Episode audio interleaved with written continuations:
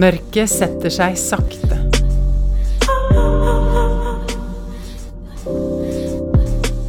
Snø minner om mange ting.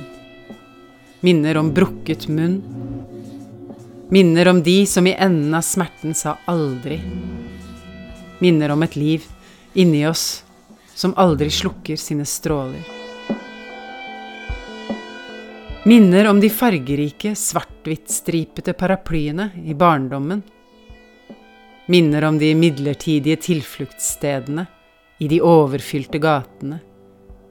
Minner om tenåringsdiktene jeg diktet til en mann jeg ble forelsket i, og så sang jeg sangene til Mexico Citys høyeste tårn for ham. Minner om ungdommelig lidenskap og drømmer som aldri gikk i oppfyllelse. Snø blir et ord i kroppen min, ord som fremdeles lever i et sår som er friskt. Det sies at verden er liten, som å ta av fra Oslo lufthavn, som vannet som rant i meg på triste søndagsettermiddager, som å råtne og kysse, og valmuer som vokser i magen min, og jeg føder dem i en av mine historier, på åsene. Nå, hvordan gikk jeg meg vill i all denne litenheten? Når? Hvor etterlot jeg meg selv, slik at jeg ikke lenger kan huske mitt siste blikk i speilet? Jeg husker bare sist jeg spilte rollen som min fargeløse skygge, trinn for trinn på en gul gate med vegger som var flekket av tusenvis av prostituerte. Meg og min skygge. Skyggen min og meg.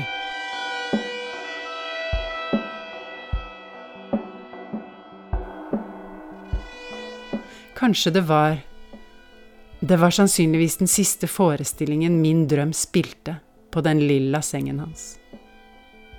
Så hvordan er det verden rundt meg?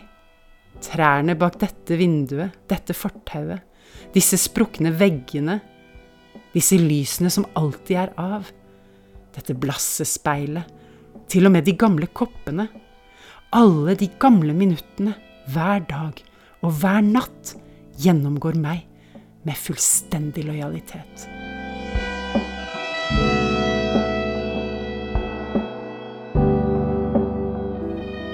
De ser gjennom de stikkende nålene i huden som blir til røde skyer.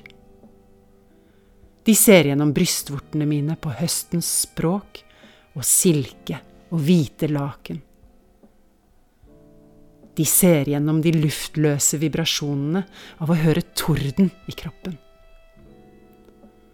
Som jeg ligner på himmelen i kveld. Se gjennom krum lyd av kråker på kjøtt. Se gjennom. Se gjennom. Igjen.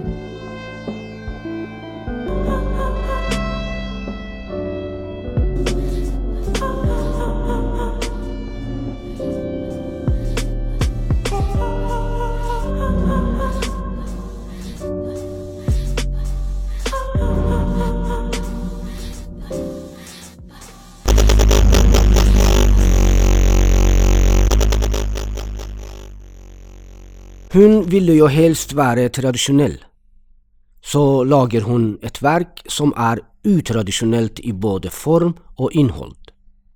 Hånd i hånd med hun som bærer minnet om denne jorda, hvor bærer denne jorda henne, fordyper hun seg i solidaritet, der hun både bevisstgjør, abstraherer og surrealiserer, og setter i gang en prosess der man står opp etter en natt på singelrom på hotellet med enda flere spørsmål enn man hadde før man la seg. Og det er jo bare å anerkjenne at man ikke forstår alt, og det er helt greit. Er det noen som har lyst på quesadilla og tequila?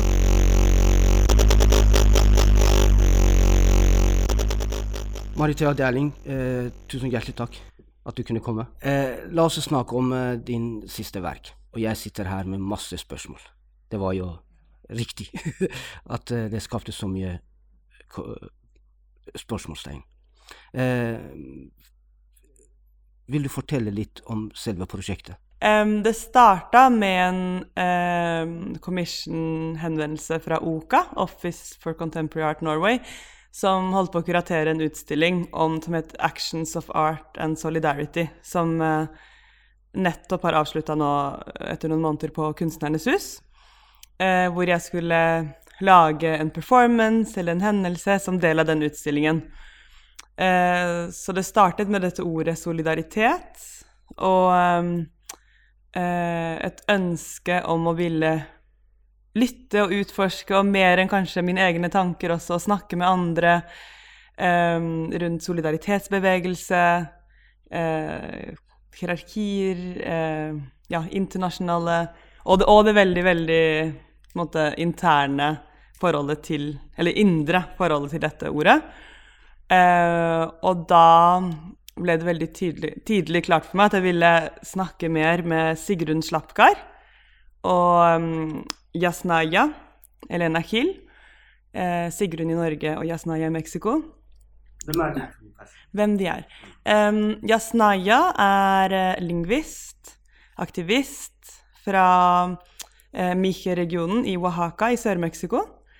Uh, så hun er en, hva kan man si, en veldig eh, sterk intellektuell kvinne med, som eh, eh, Ja, som både snakker rundt begrepet liksom indigenous, eh, rundt Å, nå mista jeg ordene på, på norsk, jeg tenker på spansk, men liksom aktivist Nei, men det, det låser idioma, språk, ikke sant? Det er fint at du snakker flere språk. Spansk, ok, ja. Når jeg tenker på Mexico, så blir det plutselig spansk. Men um, Eh, og, Interessant det du sier, ja. fordi du brukte akkurat de tingene der i selve prosessen. Og det var viktig for meg, for jeg tenker det. Man kan godt snakke om f.eks. solidaritetsbevegelse, eller man kan snakke om begrepet solidaritet, men at for meg Jeg er jo oppvokst mellom Norge og Mexico og har også har familie og koblinger til veldig mange forskjellige kontekster og kulturer, og land og kontinenter. At for meg det å Jeg kan ikke snakke om noe som kun fra et la oss si, norsk perspektiv eller et meksikansk spesielt disse temaene. Samme hvor, la oss si, hvor bevisst man er, hvor klartenkende osv., som jeg opplever at Yasnaya og Sigrun er, så kommer de fra to veldig veldig forskjellige kontekster. Ikke sant? Og da, da, da ville jeg lage noe som kunne romme disse kontekstene. Hvor Sigrun hun er eh, journalist og forfatter, hun har vært krigsreporter, hun skriver eh, dokumentarer. Hun har også skrevet noveller, romaner. Romaner, mener jeg. På spansk er det novellas. Eh, men også skrevet om bl.a. en bok om uh, kvinnelige aktivister i Latin-Amerika. Uh, hvor moren min var en av rollen, en av um, characterene i, uh, i boka. Ja. så um, Og som også har en erfaring med liksom, ja, solidaritetsbevegelse. Så jeg ville ha, romme disse to forskjellige kontekstene ved å lytte til Jasnaya og Sigrun. og derfra så OK, det har vært en veldig lang prosess, og det startet jo med dette til utstillingen på Kunstnernes hus. Også underveis så ble det også til et større prosjekt, og også i samarbeid med Black Box Teater og Oslo Internasjonale Teaterfestival. Og da skulle det være to versjoner. En eh, med på, som det som var først planlagt med Oka, på Kunstnernes hus, som skulle være en hel natt på utstillingen, hvor jeg skulle lese, basert på disse samtalene med Sigrun og Yasnaya, skulle jeg lese en hel natt for en gruppe mennesker som skulle være inne i utstillingen en hel natt og, og, kunne sove hvis de ville det. Derfor er det en bedtime story som når jeg leser til barna mine før jeg legger dem, og bare kontinuerlig fortsetter å lese og lese. Um, og, og, så skulle det være en lydinstallasjon uh, på Oslo Internasjonale Teaterfestival. Og så med uh, korona, alle restriksjoner og sånn, så har jo uh, Prosjektet har kontinuerlig utvikla seg uavhengig av korona. Men enda mer også pga. korona. Så det har vært begge deler. Vært, jeg tror jeg jobber også veldig sånn, jeg liker at prosjektene kan finne sin form underveis, og sitt innhold. Men også med restriksjonene så følte jeg at dette prosjektet var så viktig for meg å gjennomføre at eh, hvis jeg bare på en måte holdt fast til en idé jeg hadde, så kom det til å føre til at det ble avlyst, følte jeg i januar. Og hvis det ikke ble avlyst, så ville det si, og hvis det var mulig for man så jo for seg at kanskje i mars var det mulig å samle ti mennesker. Utstillingen var jo åpen i en periode. Så, men at folk ikke kom til å være klar for det. At vi kom ikke til å være klare for å være inni et rom, ti mennesker som er kaldt, sove sammen, lytte til pusten til den andre, at noen hoster, at noen nyser. At jeg tror da hadde det blitt hovedfokuset. Eh, så, så, jeg valgte å også, ja, i samtaler med andre av samarbeidspartnerne, bl.a. med Tormod Karlsen, har vært del av det, Tora Olven Balke, med Blackbox, med Oka. Så og um, Så kom ideen med hotell? Ja. Men også det å tenke, før det ble hotellet, bare det å tenke at vi må finne en annen form. Vi må finne en form, men jeg vil ikke at denne formen skal være en, sånn, en plan B som gjør at verket hadde vært bedre hvis det ikke var korona. Det følte jeg som veldig veldig sterkt. Det sånn, ok, Hva kan vi gjøre sånn at dette verket kan gjennomføres, og at, at restriksjonene på en måte gjør det bedre? Um, og før restriksjonene kommer. ikke sant, Være det i forkjøpet. Og da, i den samtalen, dukka det opp da, inne på Bananas, dukka det opp um, hotell. Jeg tror det først var nesten litt som en, en joke. Litt sånn 'Å, hvorfor gjør vi det ikke på hotellet?' Så er det sånn Jo, ja, men nei, men det går jo ikke. Og nei, det blir feil. Og så jo mer plutselig var det sånn Jo, men kanskje det. Og så hva, hva er det hotellet representerer? Nå kommer jeg til å lese litt helt til sist rundt ordet hotell og mange innganger til det. Men det, det er um, det er det liksom er et sted for eh, Et privilegium, på en måte. Det er en gave. Det er et sted Jeg tror også dra på et verk som er Eller verk, forestilling, utstilling Hva man vil kalle det. Installasjon. Man kan kalle det hva man vil, det bryr jeg meg ikke om. Men eh, at det å ikke bare dra inn i et teaterrom eller et gallerirom, men at det er et hotellrom, at jeg håper at det også oppleves som at du får noe. Og der hotellet er et sted for hvile. Men det kommer til å være en, en, måte, en forstyrret hvile. For det er et lydverk som går kontinuerlig hele natten mens man er på hotellrommet. Så ideen ble da at man skal være alene på et hotellrom. Det er et lydverk som går hele natten. Og lydverket er lagd av stemmene til Yasnaya og Sigrun og tekster de har skrevet. To tekster har de skrevet. på to forskjellige språk? Um, tre er spansk, norsk, ayuk og Ayuk, hva er det? Det er språket som Yasnaya snakker. Mm. Fra, bortsett fra spansk. Men hennes Indiansk. native En slags indiansk Ja, det er, ja, det er hennes native uh, språk. Mm. Morsspråk, hva heter det. Ja. Uh, så lenge madri. Så det er eh, og, Men hvorfor tenker jeg at det er fire språk? Engelsk, norsk Ja, ayuk og spansk. Mm. Det er fire språk. Mm. mm. Så de eh, Men det er samme tekst som er lest inn. Lest inn at de snakker det vanlig, at de hvisker det, og at de mumler det. Så det er på en måte basen, det er materialet. Det er ikke lagt på noen andre lyder, men det er jobbet, det er fragmentert, det er noe effekter. Eh, at det er dratt ut i tid, osv. Eh, og så er det en gave og et brev. Mm. Mm. Og noen instruksjoner. Så det er det du får, på en måte. Um, og... Så de temaene, de, de temaene de snakker om, Aha. de går på solidaritet. Og det, solidaritet er jo alltid sånn to deler, da. En ja. som solidariterer, ja. på en måte, og en som tar imot. Ja, eller ikke, jeg tror ikke nødvendigvis, men det er det ofte som skjer. Og der er det også et skille liksom, tenker som, uh, som Yasnaya også snakka om som Det er ikke at det bare handler om solidaritet, men solidaritet har vært liksom utgangspunktet for mm. samtalene Hva, å, å, problematisere det. Se viktigheten av det og problematisere det. Mm. Og samtidig, hånd i hånd med en skulptur av moren min, hun som bærer denne jorda Hun som bærer minne om denne jorda, hvor bærer denne jorda henne? Som også uh, var på utstillingen på Kunstnernes hus. Hånd i hånd med henne.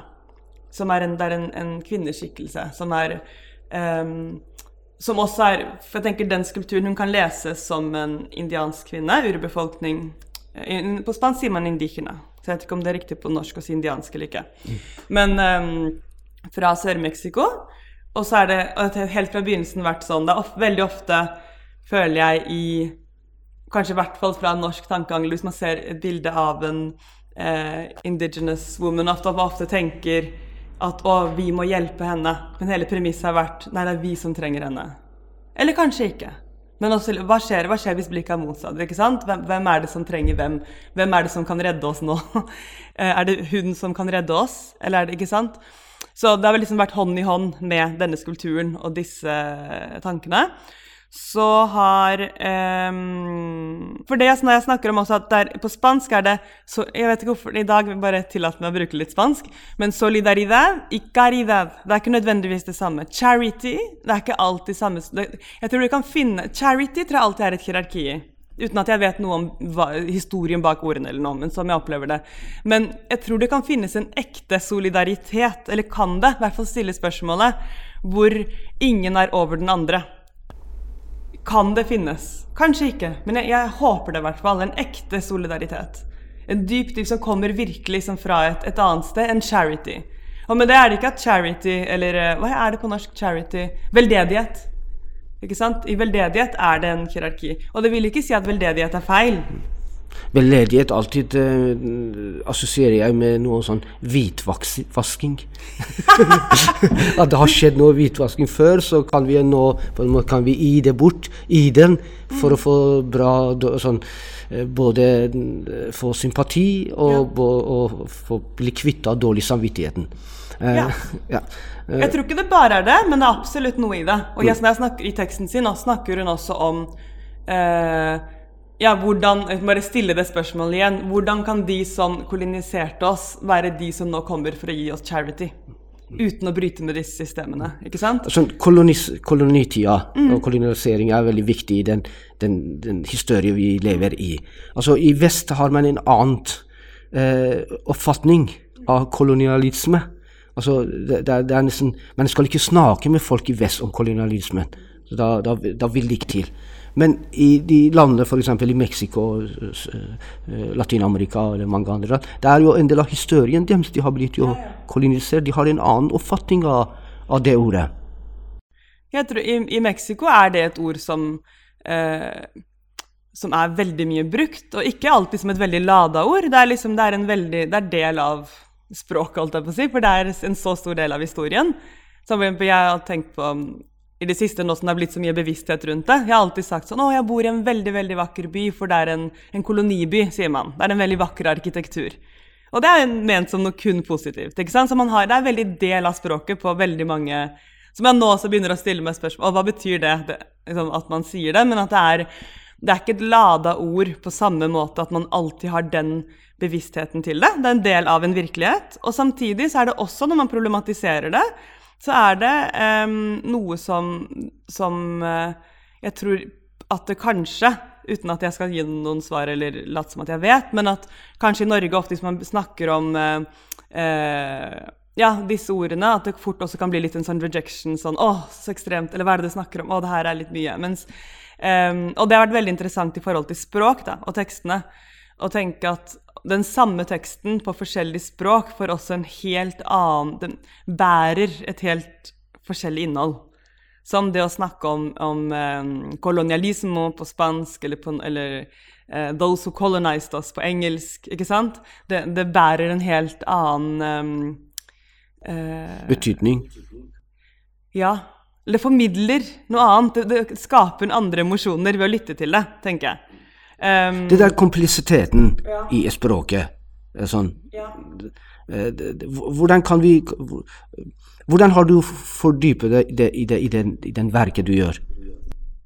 Uh, jeg tror, For meg, det med å jobbe med mange språk, det er noe som det er en veldig stor del av min hverdag, har alltid vært det, som det er for mange av oss. Sikkert for deg òg, liksom at det å, å, at man bruker forskjellige språk. Og jeg er oppvokst med å snakke norsk med veldig veldig mange ord på spansk med moren min.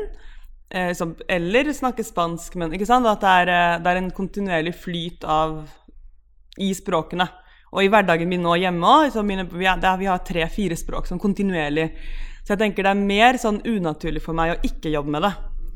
Med, det hadde vært mer rart for meg at ok, så i arbeidet mitt skal jeg sort, sile ut å bare bruke ett språk, og bruke et veldig sånn grammatisk riktig språk. Jeg snakker ikke grammatisk riktig, så hvorfor skal jeg um, Så jeg tenker da også Jeg har alltid følt meg veldig hjemme i et muntlig språk. Jeg tror ofte er Når man snakker flere språk, så snakker man jo ikke et eneste språk helt perfekt.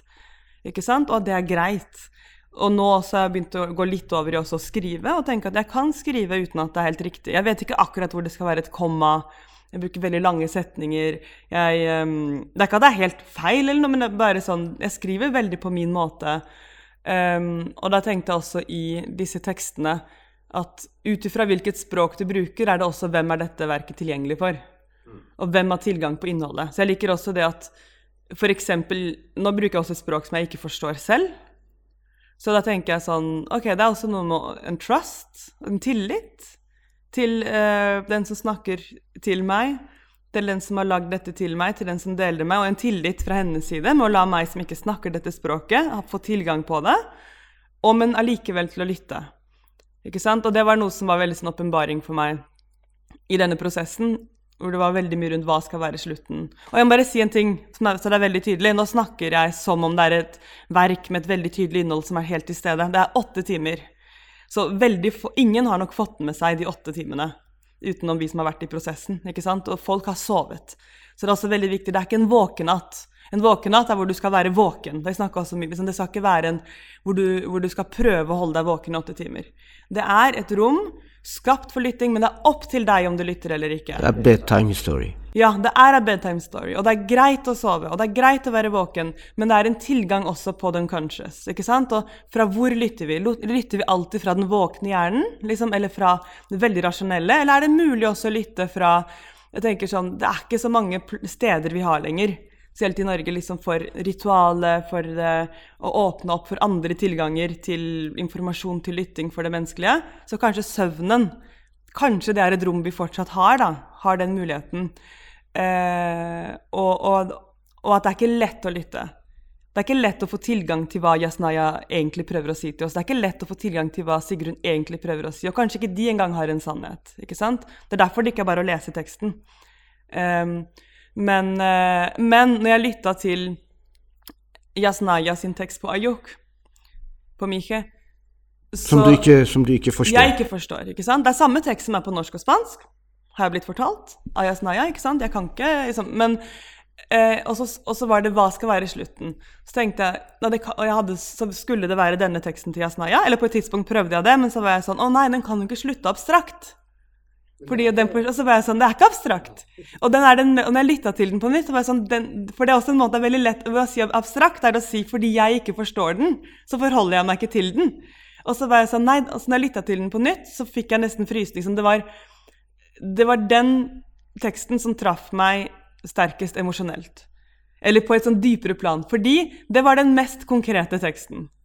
Og Yasnaya også fortalte meg at hun var veldig overraska selv når hun leste inn på Mike på Ayuk, for da, det, da begynte hun nesten å gråte. Hun har skrevet den på spansk, og så har det blitt oversatt til engelsk. Hun leste det så på engelsk, og når hun da leser det på sin mother tongue, så, så betød det noe helt annet. Ikke sant? Og, da, og enda jeg ikke forstår ordene hun sier, så, så opplever jeg også det i teksten. Så det er også noe med at det konkrete Og da tenkte jeg hvis jeg virkelig skal lytte, så må jeg lytte til den teksten. Og det er også noe Vi trenger ikke å forstå ordene alltid. Ikke sant? Det er ikke bare ordene, men det er, det er noe annet å faktisk virkelig lytte.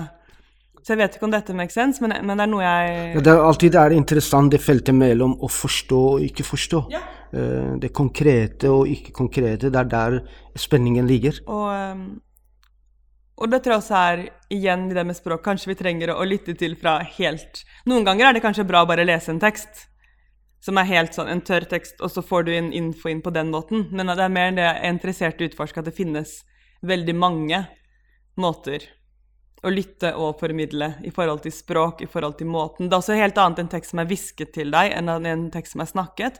En tekst som er mumlet, hvor du bare får med deg brøkdeler, og hvor det kanskje snakkes om en veldig sånn heavy, viktig tematikk, men den som leser det til deg, mumler. Det er liksom at man tar bort viktigheten, men så blir det også noe som skurrer i det. Vi har mumlet gjennom så var det, så var det, og rasisme, indígena ja, Da blir det også en helt um, Betyr det noe annet? Eh, hvor vanskelig var det å gjennomføre det verket?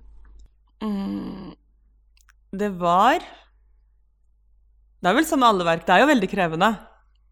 Fordi det er en idé som jeg tenkte som litt sånn Å ja, let's do it, hvorfor ikke? Men det å redigere åtte timer lyd, det skal jeg love deg at det er krevende. Så satt du sammen med en, med en tekniker? Jeg satt, jeg satt, flere måneder alene.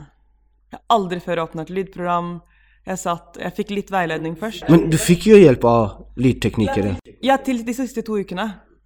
Så jeg satt eh, flere måneder alene, og så fikk jeg de siste to liksom, I forhold til selve lydredigeringa. Men så de siste to ukene har jeg jobba med Truls Sandemyr, som har vært helt fantastisk. Og, liksom, og fått finpolert det og fått uh, Ja, som han har hjulpet meg masse. Han har jo veldig mye mer erfaring enn meg med det. Og så har jeg også hatt hjelp til lytting, som eh, både Tora og Tormod har lytta veldig mye. Tormod har sovet til det veldig ofte. Han har vært prøvekaninen. Um, men det har vært krevende sånn også, Jeg har aldri før lytta så mye til eh, og disse lydene. Så det er et punkt hvor jeg faktisk følte jeg begynte å gjøre noe. At man begynner å bli nesten litt gal av denne kontinuerlige lyttingen og til repetitive ting. Og kanskje noen ganger Ja. Eh, men det er på det, det, planet. Men ellers, det har jo vært som for alle som prøver å gjennomføre noe nå midt i korona, så er det jo krevende, det usikkerheten. Og kontinuerlig måtte være alert på hva er mulig nå, hva er ikke mulig, hvordan vi forandrer dette. For det har vært veldig viktig for meg å ikke bryte korona, liksom retningslinjene. Så vi har alltid prøvd, liksom, og det har vi klart. Og det er jeg veldig glad for og stolt av på en måte, at vi fikk til midt i en av de strengeste tidene nå i Oslo. Ut, vi har ikke brutt koronarestriksjonene. Eh, ja. eh, hvordan var responsene? Er du, er, du, er du, fornøyd? Ja, jeg er fornøyd. Jeg er, veldig, jeg er det, faktisk. Mm. Fordi um, jeg tror Altså gjennom eh, seks netter hadde du 60 ja. publikum. Mm. En og en i et sånt singelrom. Ja. De har hørt på de historiene ja. og sov. Ja. Og dagen etter, når de sto opp, så fikk de et brev. Nei, brevet, altså, brev, brevet ligger ja, før de la seg. Ok. Ja. Og så Og i morgenen fikk de en gave. En gave, ja. Og jeg må si, jeg har ikke lyttet til disse historiene. Jeg må si igjen, det, det er, eh, Hvis du snakker med noen som har um, opplevd det, så er det ingen tre som opplever at de har lyttet til noen historier i en natt. Det er et veldig åpent verk, på en måte.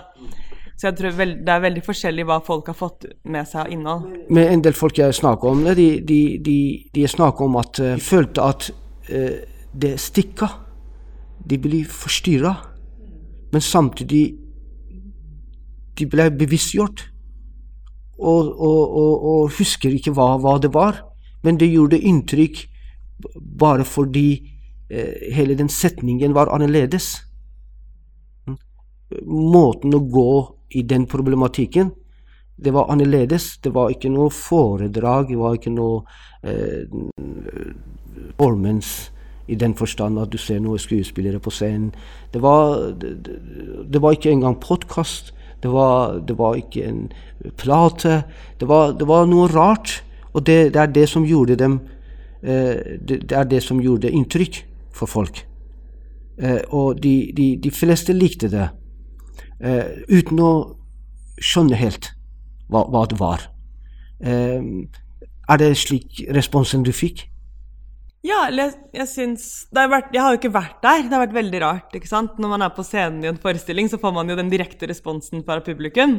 Men jeg har fått snakka med en del, heldigvis. Det har også vært noen som har skrevet tekster eller anmeldelser og sånn. Ja, Hvordan var det anmeldelsene? Um, jeg er veldig fornøyd med det, i hvert fall. For jeg, spesielt to har liksom virkelig tatt seg tiden til å dele sin erfaring. Og det tenker jeg mer enn liksom 'Å, det her var bra. Det var dårlig.' Så er det jeg, Til nå har jeg fått, både i forhold til de anmeldelsene, men også andre jeg har snakket med, at folk har måtte, vært veldig sjenerøse med å, å, dele sin egen erfaring med det. Og jeg tenker Lydverket er én ting, men det er, en, det er, helheten av opplevelsen. Og for meg er det også noe helt nytt. Det her er noe jeg ville utforske, men jeg vet jo ikke hvordan det er. Jeg vet ikke hvordan, hvordan det kommer til å bli mottatt. Og igjen, mer enn en på en sånn like, ikke like, så mener jeg hvordan blir et arbeid mottatt i løpet av en hel natt? Og da tror jeg, veldig, jeg tror veldig mange har det også vært en ny erfaring for dem som eh, deltakere, som publikum. Og da å kunne få At de også liksom har lurt veldig mye på det etterpå. At det har satt i gang veldig mange tanker eh, og mange spørsmål og mange mm, Ja. Jeg tror det er det som var interessant for folk, at den på en måte satt et prosess i gang. Ja. Og da, hvis, hvis, det skjer, da er jeg fornøyd. ikke sant? Og hvis, jeg trenger med, Både med denne, men også med soloen min generelt i mitt arbeid Hvis jeg klarer å gjøre noe som folk ikke helt forstår, men at de aksepterer at de ikke helt forstår det Fordi Og det kan jo godt hende at det er for noen. Noen ganger ved å ikke forstå, så kan det også bli at, at det blir som en rejection, at man, blir, at man føler seg utestengt, eller at det blir for abstrakt, eller hva det er. Men hvis man klarer å skape et rom hvor man aksepterer at vi ikke helt trenger å forstå Det er noe av kjernen av det jeg håper på å oppnå, da, sånn generelt. Eh, at det er greit. Å akseptere det. Ja. Men at det også åpner for en, en nysgjerrighet. Så det er greit, du fikk ikke med deg all teksten, du fikk ikke alt med alt, men kanskje du kan undersøke mer etterpå, kanskje du kan snakke med noen andre, og det oppstår noen nye tanker. Kanskje vi sitter her nå og snakker, og setter det i gang noen nye tanker også for meg. Kanskje noen lytter til det. Altså, eh, det håper jeg, på en måte.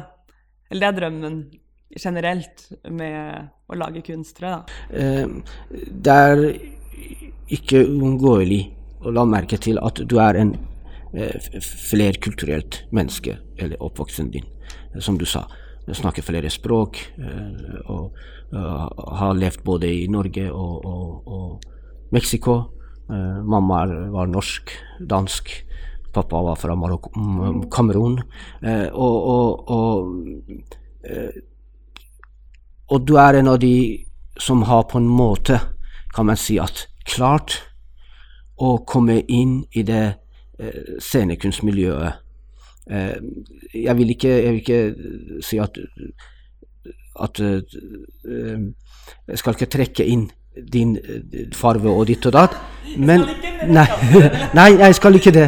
Men, det, det, det er, men eh, hva du anbefaler folk, de unge, eh, flerkulturelle folk, eh, hva anbefaler du? Hva, hva, er det din råd? for at de skal eh, nå det målet deres, det de ønsker seg?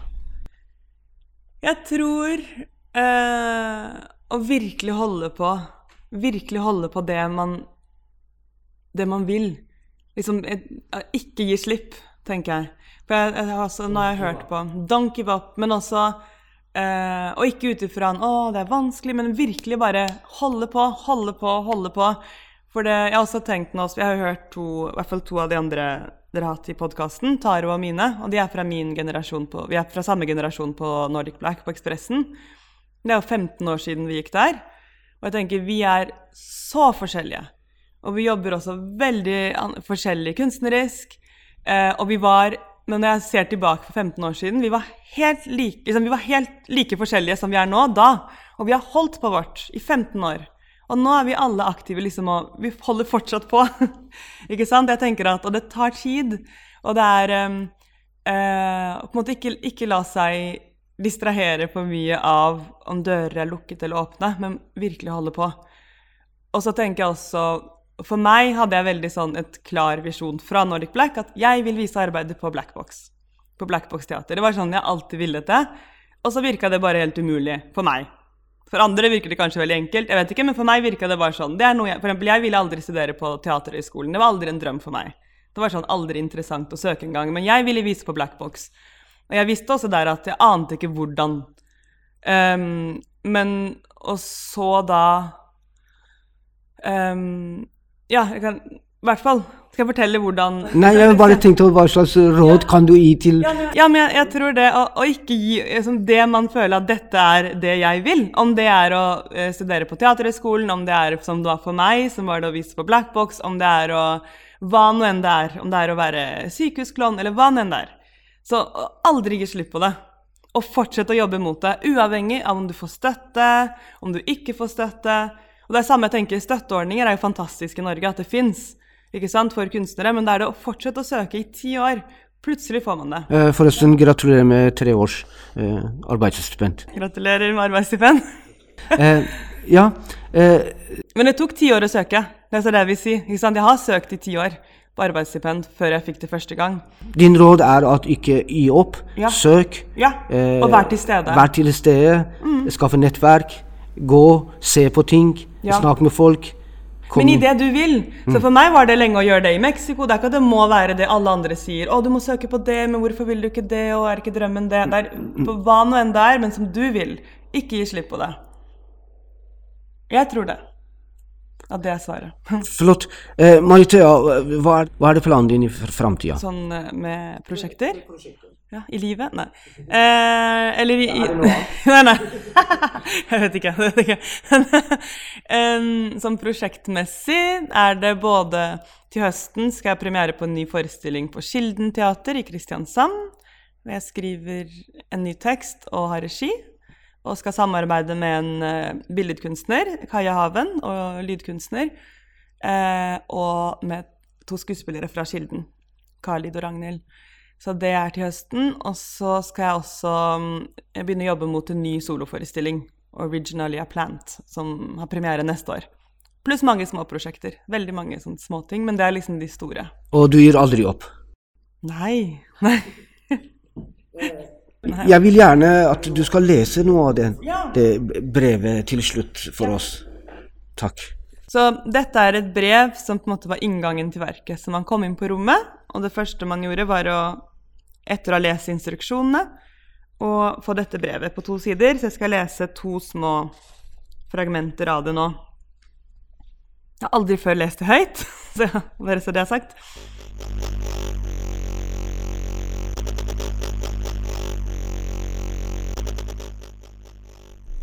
When you listen There might be moments when it's hard to grasp the content, but I assure you that all the texts are there, as fragments, repetitions, echoes, but also each text written and read by Sigrun and Yasnaya will have its moment to be heard in their full version. And there might be moments when you find the work too direct. I can also assure you that is okay. That is completely okay. I have been torn between these two poles for months, maybe years, or a whole life.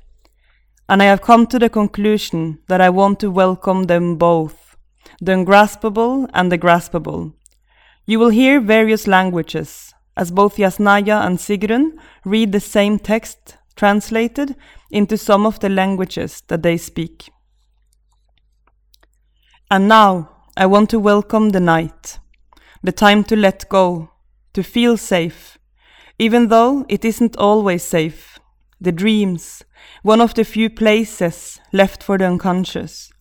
Maybe the night is the best time to listen. Maybe it's the perfect time to listen, to let the words be, to let them be, not to get stuck in the eagerness to understand, to label, to get answers, but just to listen, as we do in our dreams. Will it be annoying at times? Possibly yes. Will it be soothing at times? Possibly yes. I would like to talk to you about the hotel room, what it means, its comfort, its neutrality, its privilege, its memories. The hotel as a gift for you, as a place to rest, as a place to find your sleep disturbed, as a place to get something that most people can't afford, at least not the locals.